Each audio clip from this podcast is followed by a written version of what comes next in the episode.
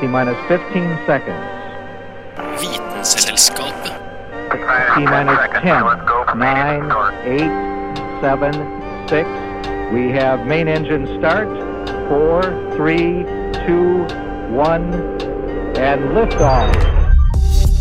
Vitenselskapet. Vitenselskapet på Radio Nova.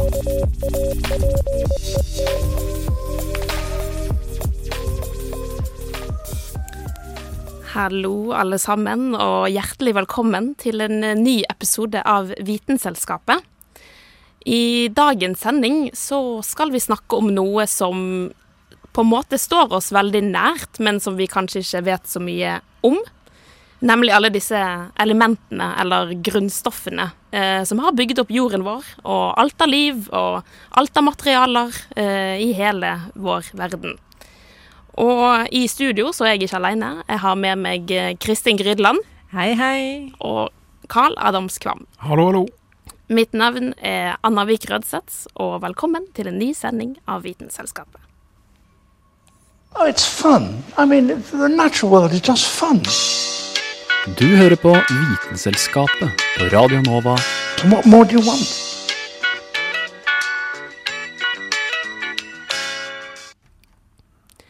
Ja, jeg tenker vel egentlig det er greit å bare starte på begynnelsen, Carl. Så kanskje du forteller oss litt hvordan, hvordan ble disse grunnstoffene til?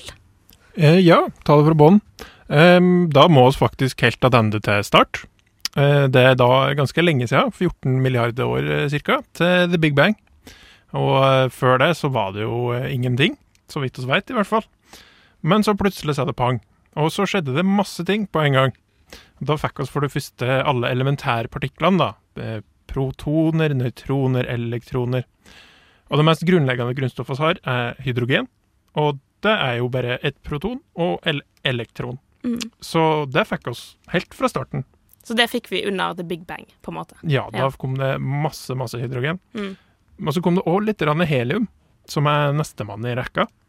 Eh, mye, mye mer hydrogen enn det var helium, men all, av all heliumen som finnes i dag, så ble faktisk mesteparten skapt under The Big Bang. Så neste gang du har en heliumballong, tenker jeg på at det her er gamle greier. Så når man puster inn den heliumen i en heliumballong for å lage sånn artig stemme, så puster du inn det originale Big Bang-heliumet. Ja, noe av det i hvert fall. Så det, neste gang du disrespekterer med å lage tullestemme, så må du tenke på eh, at det er verdifullt, dette heliumet. Da skal jeg gå rundt og si at det er lyden av Big Bang. Det er jo Ja. det. Det er jo ikke, altså, det er ikke det, er ingen som kan ta deg på det, på en måte. Det er det ingen som kan ta fra deg. Nei. Men det her er jo to eh, rakkere, da. Hydrogen og helium. Og eh, oss har jo som kjent litt flere grunnstoff enn som så. er litt kjedelig hvis det bare hadde vært to. Da hadde vi ikke sittet her og vært komplekse organismer. Men oss må da litt fram i tid, til stjernene begynte å forme seg. Fordi etter Big Bang så var det bare masse partikler utover alt. Begynte å klumpe seg i store skyer. Og så trakk de skyene seg sammen og ble til stjerner. Sånn som vår egen sol, som du kanskje kjenner til. Og når du da får så masse hovedsakelig hydrogen og eh, noe helium trykt inn på liten plass, så blir det fryktelig varmt. Når det er så varmt, så kan du sette i gang noe som heter for fusjon. Ja. Fusjon er da sammensmelting. Eh, og i stjerna vår, da, så er sola, så er det hovedsakelig absolutt mest hydrogen som blir smelta sammen til helium. Akkurat som om The Big Bang. Ikke så spennende. Eh, 85% av det som skjer i stjerna, er akkurat hydrogen til helium. Men de siste 15 så kommer vi til de neste to i rekka, litium og beryllium. Men det er bare fire grunnstoff, da. Mm. Så vi skal ikke komme så mye lenger. Nei, hva skjedde med de større grunnstoffene, da? Nei, de fins ikke ennå. Vi må enda litt lenger Ah. fram i tid. Fordi når den stjerna har brent opp hydrogenet sitt, så er det sånn at det ikke er noe mer hydrogen i kjerna å brenne, men da begynner den å brenne litt lenger ut. Og da blir han en rød dverg, som det heter. Det, det, det Det er veldig fine navn. disse astronomiske folkene har laget. Mhm. Eh, og da blir Du har fortsatt hydrogen. Hydrogen blir til helium. Det bare blir lenger ut i sola. Men i tillegg så får du de tyngre grunnstoffene hele veien opp til jønn. Jern. Og det, da begynner vi å prate. Da har vi en god del grunnstoff. Men oss er fortsatt veldig langt ifra de tunge rakkerne, Mm. f.eks. uran. da. For det som må til da, er den største eksplosjonen du kan tenke deg, nemlig en supernova. Og det er da Hvis ei stjerne er stor nok når den har brukt opp drivstoffet sitt, så vil den da kollapse inn på seg sjøl, altså eksplodere. Og da har du nok energi til at du kan få slått sammen hele veien opp til uran. 90, nummer 92. Og da snakker du tunge grunnstoff. Så eh, man starter på en måte med hydrogen, og så skjer det en del ting. Stjerner eh, vokser, stjerner dør og eksploderer, som da squisher eh, disse hydrogenatomene sammen, til det blir eh, flere elektroner, flere eh, protonkjerner og nøytronkjerner osv., til vi til slutt har det, det som vi lever med i dag. Er det så å forstå? Det er akkurat sånn det Ja. Og så ble alt spredd når det hele I denne eksplosjonen, I den så ble det da fordelt utover universet, og så endte noe av det opp her hos oss, da, heldigvis. Ja. Så det kan, vi kan få, hvis det er flere eksplosjoner i verdensrommet, så kan vi kanskje få flere grunnstoffer? I ja, teorien? det, vi kan absolutt det, men det, tidshorisonten her er ganske lang, da. Ja. Eh, Som en artighet så kan jeg nevne at det er et part av dem som knappast finnes naturlig. De skjer bare ved at tyngre grunnstoff eh, tar spalter spalte seg naturlig. Ja. Så for eksempel teknitium, det andre er prometium, de ble ikke skapt i den prosessen som jeg forteller om nå. Nei. Yes, det er jo Grunnstoffene som ikke finnes. Det er også en sending vi kan ha om.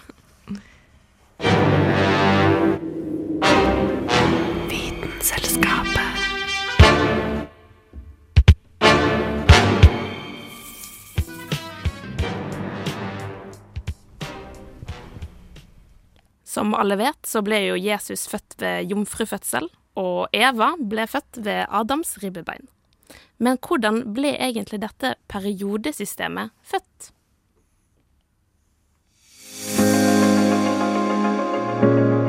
Hva har gull, kalsium og svovel til felles? Jo, de er alle grunnstoff. Det vil si at hvis du finner fram det periodiske systemet, så kan du enkelt finne ut av hvor mange protoner som befinner seg i atomkjernen til henholdsvis gull, kasium og svovel, og du kan lese av hvor mange elektronskall de har, pluss hvor mange elektroner som svever rundt i det ytterste elektronskallet. uten å gå for mye inn i detaljene her. Det du trenger å vite, er at antallet protoner, elektroner og elektronskall i atomet har ganske mye å si for egenskapene til et stoff. Derfor kan man, basert på plasseringen av et stoff i periodesystemet, forutsi en del ting om det grunnstoffets egenskaper.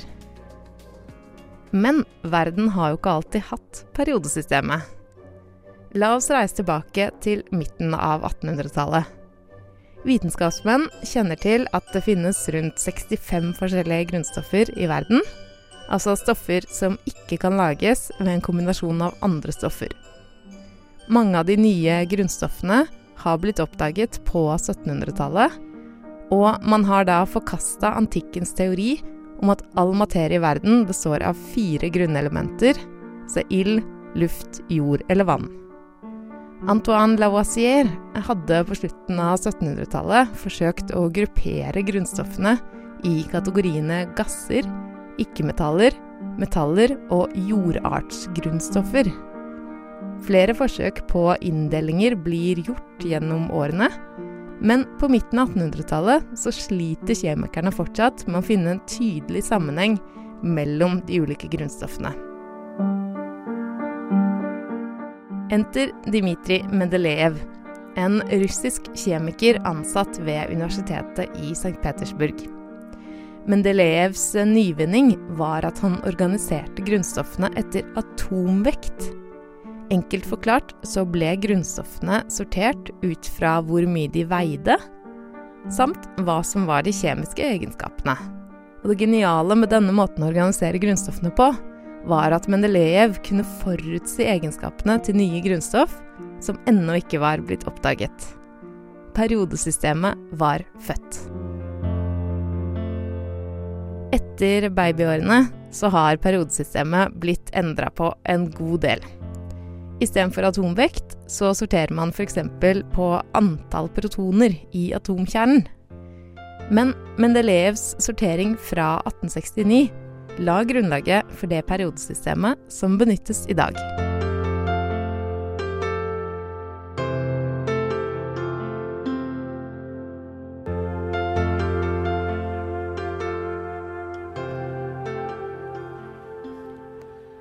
Etter Mendelevs tid så har det blitt oppdaget over 50 nye grunnstoffer, som alle har fått sin plass i periodesystemet. Og for oss nordmenn så er det kanskje litt ekstra stras med grunnstoffene nobelium og laverensium, atomnummer 102 og 103. Disse to ble nemlig funnet opp et, med bidrag en, fra en nordmann, nemlig Torbjørn Sikkeland. Og denne saken ble laget av Hanne Grydland. Vitenselskapet. Vitenselskapet på Radio Nova.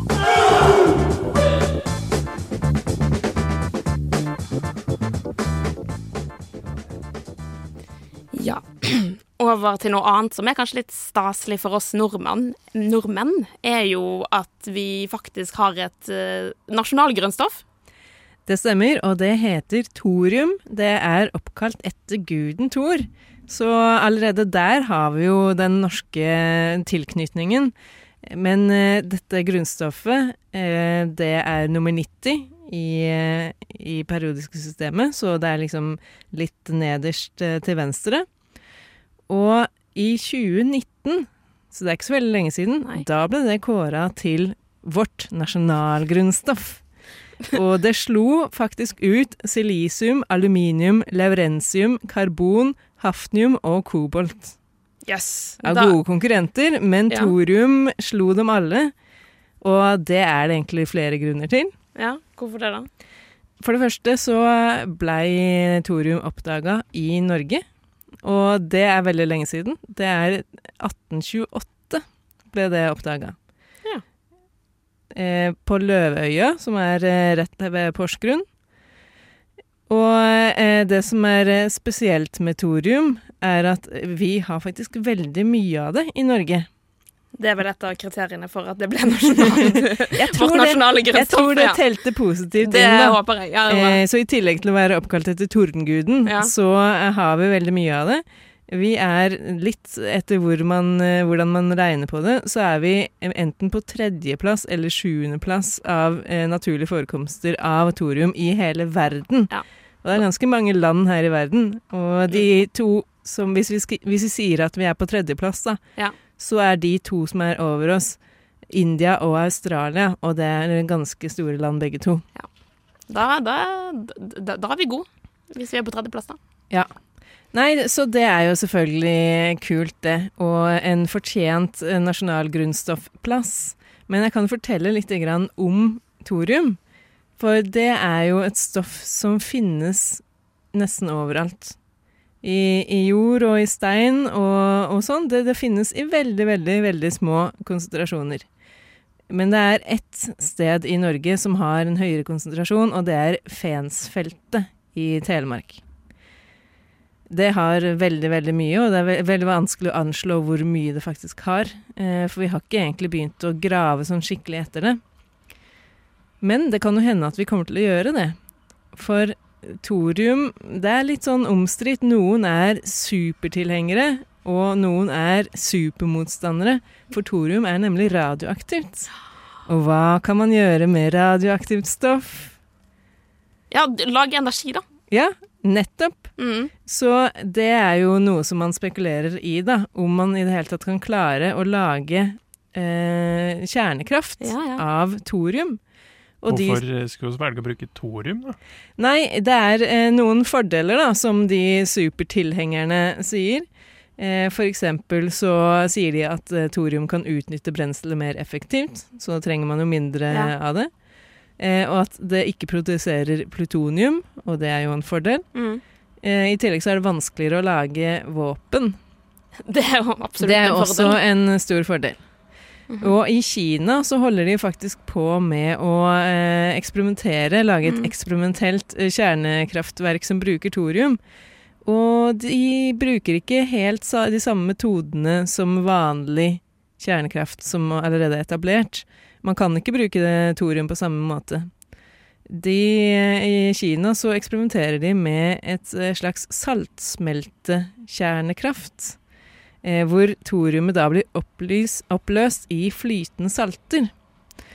Og dette skal visstnok være fint og flott og gi mye energi, så akkurat nå så eh, foregår det et eksperiment i Gobi-ørkenen hvor eh, målet er at den skal produsere nok energi til eh, 1000 husstander, da. Ja. Men det, ting er jo ikke alltid så veldig enkelt. Eh, og eh, thorium har jo også sine motstandere.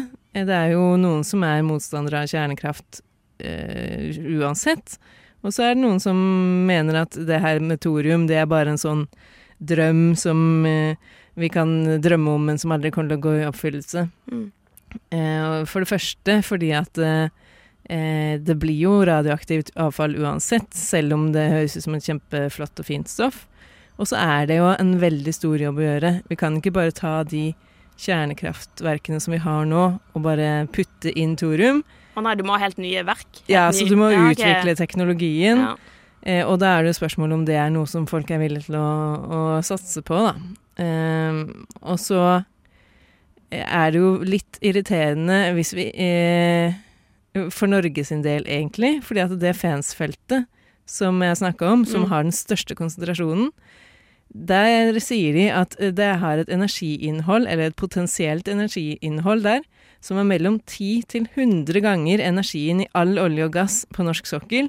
Det vil si all, all olje og gass som noen gang er produsert i norsk sokkel, og som er eh, kjente og antatte reserver. Så det er snakk om veldig mye potensiell energi. Men selvfølgelig, klarer vi å utvinne det? Eh, det er ikke like lett utvinnbart i Norge. Det er litt mer eh, blanda inn med andre stoffer og Ja. sånt. Mens f.eks. i Kina og India så kan du bare ta og så skufle det ut Å, i sanda. Så det er litt reinere der borte? Det er Det er litt mer, det er litt Ja. mer konsentrert. Ja, mm. Så, men, men. Vi kan jo for så vidt håpe eh, at det kanskje eh, klarer å utvinne det. Eh, vi må i hvert fall finne en eller annen form for eh, naturvennlig eller miljøvennlig energiutvinning. Thorium, kanskje løsningen, kanskje ikke. Jeg tror ikke vi sitter på det svaret akkurat nå.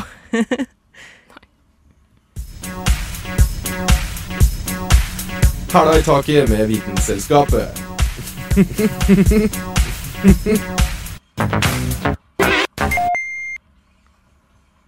I Norge så har vi gjort oss nærmest helt avhengig av olje. Men råolje, eller petroleum som det også blir kalt, kommer jo først og fremst fra planter og dyr som blir omdannet til kull. Og kull består jo hovedsakelig av et grunnstoff som vi nå skal få høre litt mer om.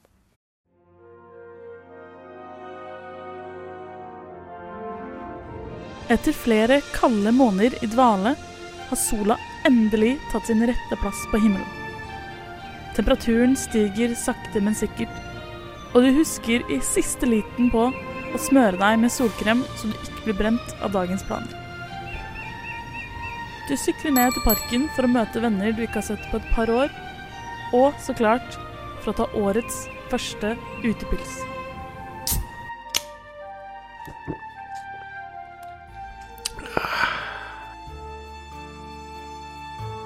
Den velkjente lyden av kullsyre som slippes fri fra en øl- eller brusboks, kommer først og fremst fra denne kullsyren, eller karbonsyre som det også kan kalles. Ja, for C-en i CO2 kommer fra et av de viktigste grunnstoffene, karbon. Det er grunnstoffet som det finnes mest av i kull, og det er også derav det får navnet sitt.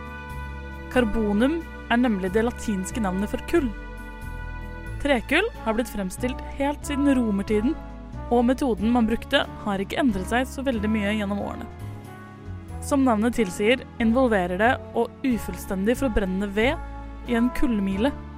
En grop i bakken som ga høy temperatur og fordampet så mye som mulig av vannet i veden. Det kule med karbon er at det forekommer i alt liv på jorda. Både grafitt og diamanter er forskjellige former for karbon på lik linje med kull. Men de dannes under forskjellige trykk. Selv om de kommer fra samme grunnstoff, kunne disse mineralene nesten ikke vært mer forskjellige fra hverandre. Diamanter er det hardeste materialet som er kjent, mens grafitt er bløtt nok til at man kan skrive og tegne med det. Diamanter har også høy transparitet, altså er det veldig gjennomsiktig. Men det er en utrolig dårlig elektrisk leder. Grafitt på den andre siden er ikke transparent i det hele tatt. Ja, det er faktisk sort og fungerer som en utmerket elektrisk leder. I naturen finnes det flere forskjellige isotoper, altså variasjoner av karbon. En av disse er karbon 14, som er radioaktivt. Denne isotopen finnes i alt levende liv, og så lenge man holder seg i live, vil mengden radioaktivt C14 være konstant pga. maten man spiser. Når man dør, mister man sakte, men sikkert karbon 14. Denne isotopen har en kjent halveringstid på 5730 år. Det vil si at etter 5730 år har man bare halvparten så mye karbon 14 i kroppen som da man levde. Hvis man f.eks. finner rester av en for lengst død skilpadde, kan man ta en prøve av den og sammenligne det med en prøve fra en levende skilpadde, for å finne ut av hvor lenge den har vært død. Dette funker bare på materiale som ikke er altfor gammelt. For etter rundt 50 000 år blir konsentrasjonen av C14 så liten at det er vanskelig å måle nøyaktig.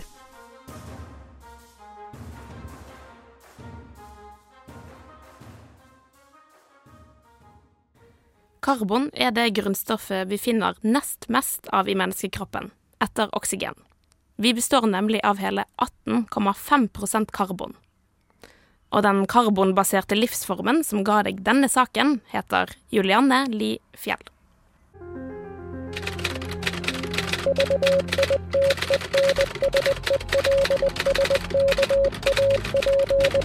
Just want to tell you both good luck. We're all counting on you. И пусть посмеются над своими страстями. Ведь то, что они называют страстью, на самом деле не душевное. Vitenselskapet а лишь трение между душой и внешним миром. knekker vitenskapens koder. Good job. Ja, som du har hørt eh, tidligere i denne sendingen, så ble jo alle våre grunnstoff lagd under the big bang, og så ble alle disse stoffene kastet rundt omkring i universet. Så var det noen som landet på vår kjære jordklode. Og eh, det var vel rundt ca. 90 naturlige grunnstoffer som landet på jordkloden vår, og det betyr jo at hele vår verden og alt av liv, og alt vi kjenner til, er jo bygd opp av disse 90 grunnstoffene som i og for seg er ganske imponerende.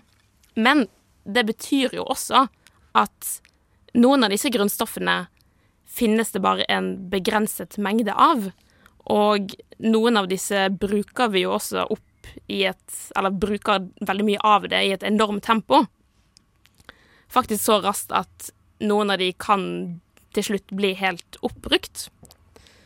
Så vi har utrydningstruet eh, grunnstoffer også, da, i tillegg til utrydningstrua dyr og planter og Ja, alt ja, ja. mulig sånn. Det, det, det, det går ikke bra om dagen for eh, vår kjære jord, eh, dessverre. Bare liksom se på en iPhone eller en smarttelefon. Den er jo bygd opp av omtrent 30 forskjellige grunnstoff. Og rundt halvparten av disse grunnstoffene er det noen forskere som er veldig bekymret over pga. vår økende Altså, vi bruker mye av det, og også økende knapphet i verden.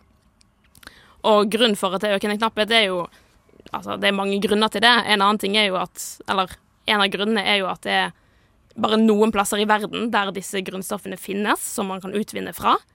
Eh, og i noen av disse områdene er også preget av konflikt. Og så klarer vi jo heller ikke å resirkulere mange av disse stoffene heller på en ordentlig måte. Så da blir jo det mye forbruk, og ja, da går det ikke så bra som vi har sett. Så eh, det at vi skaffer oss telefoner og annen sånn elektronikk i tide og utide, det gjør at, eh, at vi rett og slett går tom, da? Ja, som alt annet, eh, som eh, alt annet vi har i naturen, blir jo tomt etter hvert. Iallfall når vi bruker så mye som vi gjør. Og én ting er jo på en måte Å nei, vi mister eh, en type stoff som vi bruker i mobiltelefonen. Det virker kanskje ikke så Eller sånn, vi kan alltids finne noe annet å gjøre, eller noe annet å bruke. Men en Altså, det står jo verre til hvis vi går tom for et stoff som er livsviktig for oss. Som har skapt liv. Eh, som for eksempel et grunnstoff som heter fosfor, for eksempel. For dette grunnstoffet er jo da essensielt for alt liv. Eh, sånn som vi kjenner det til, da. Sånn som DNA-et vårt, for eksempel, er bygd opp av fosfor. Så hvis vi ikke har fosfor, så har vi ikke DNA. Og da har vi ikke gener. Men, og da har vi ikke liv. Men hva er sjansen for at vi mister fosfor?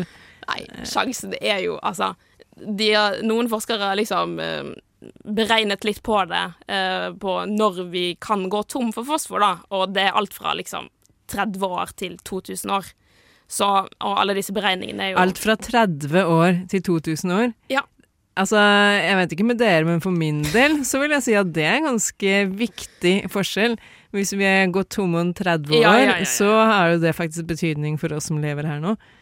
Det er helt sant. Men grunn på altså der disse 30 årene kommer fra, er hovedsakelig fordi um, vi utvinner jo fosfor fra um, på en måte fosforholdige bergarter. Eh, blant annet eh, råfosfat er et av de vi, som er på en måte det mest konsentrerte som vi kan utvinne fosfor fra. Og det største på en måte lageret av råfosfat finnes kun hovedsakelig to steder i verden. Det er Marokko og Vest-Sahara-området, også i Kina. Så det er veldig ujevnt fordelt geografisk. Um, så hvis det f.eks. blir konflikt i noen av disse områdene, da, er da får ikke resten av verden tak i fosfor. Og da, og som man også, også eh, vet, så er jo all vår Altså alt planteliv og mat og alt av vår matproduksjon er jo totalt avhengig av kunstgjødsel, f.eks. Uh, og en viktig bestanddel av kunstgjødsel er jo fosfor.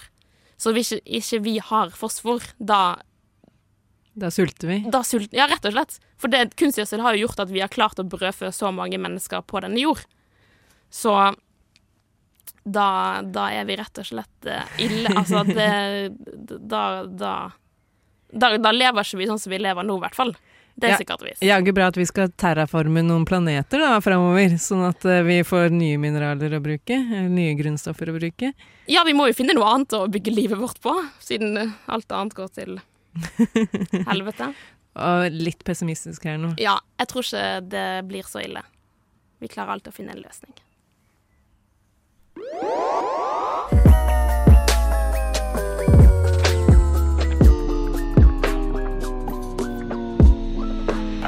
Vitenselskapet.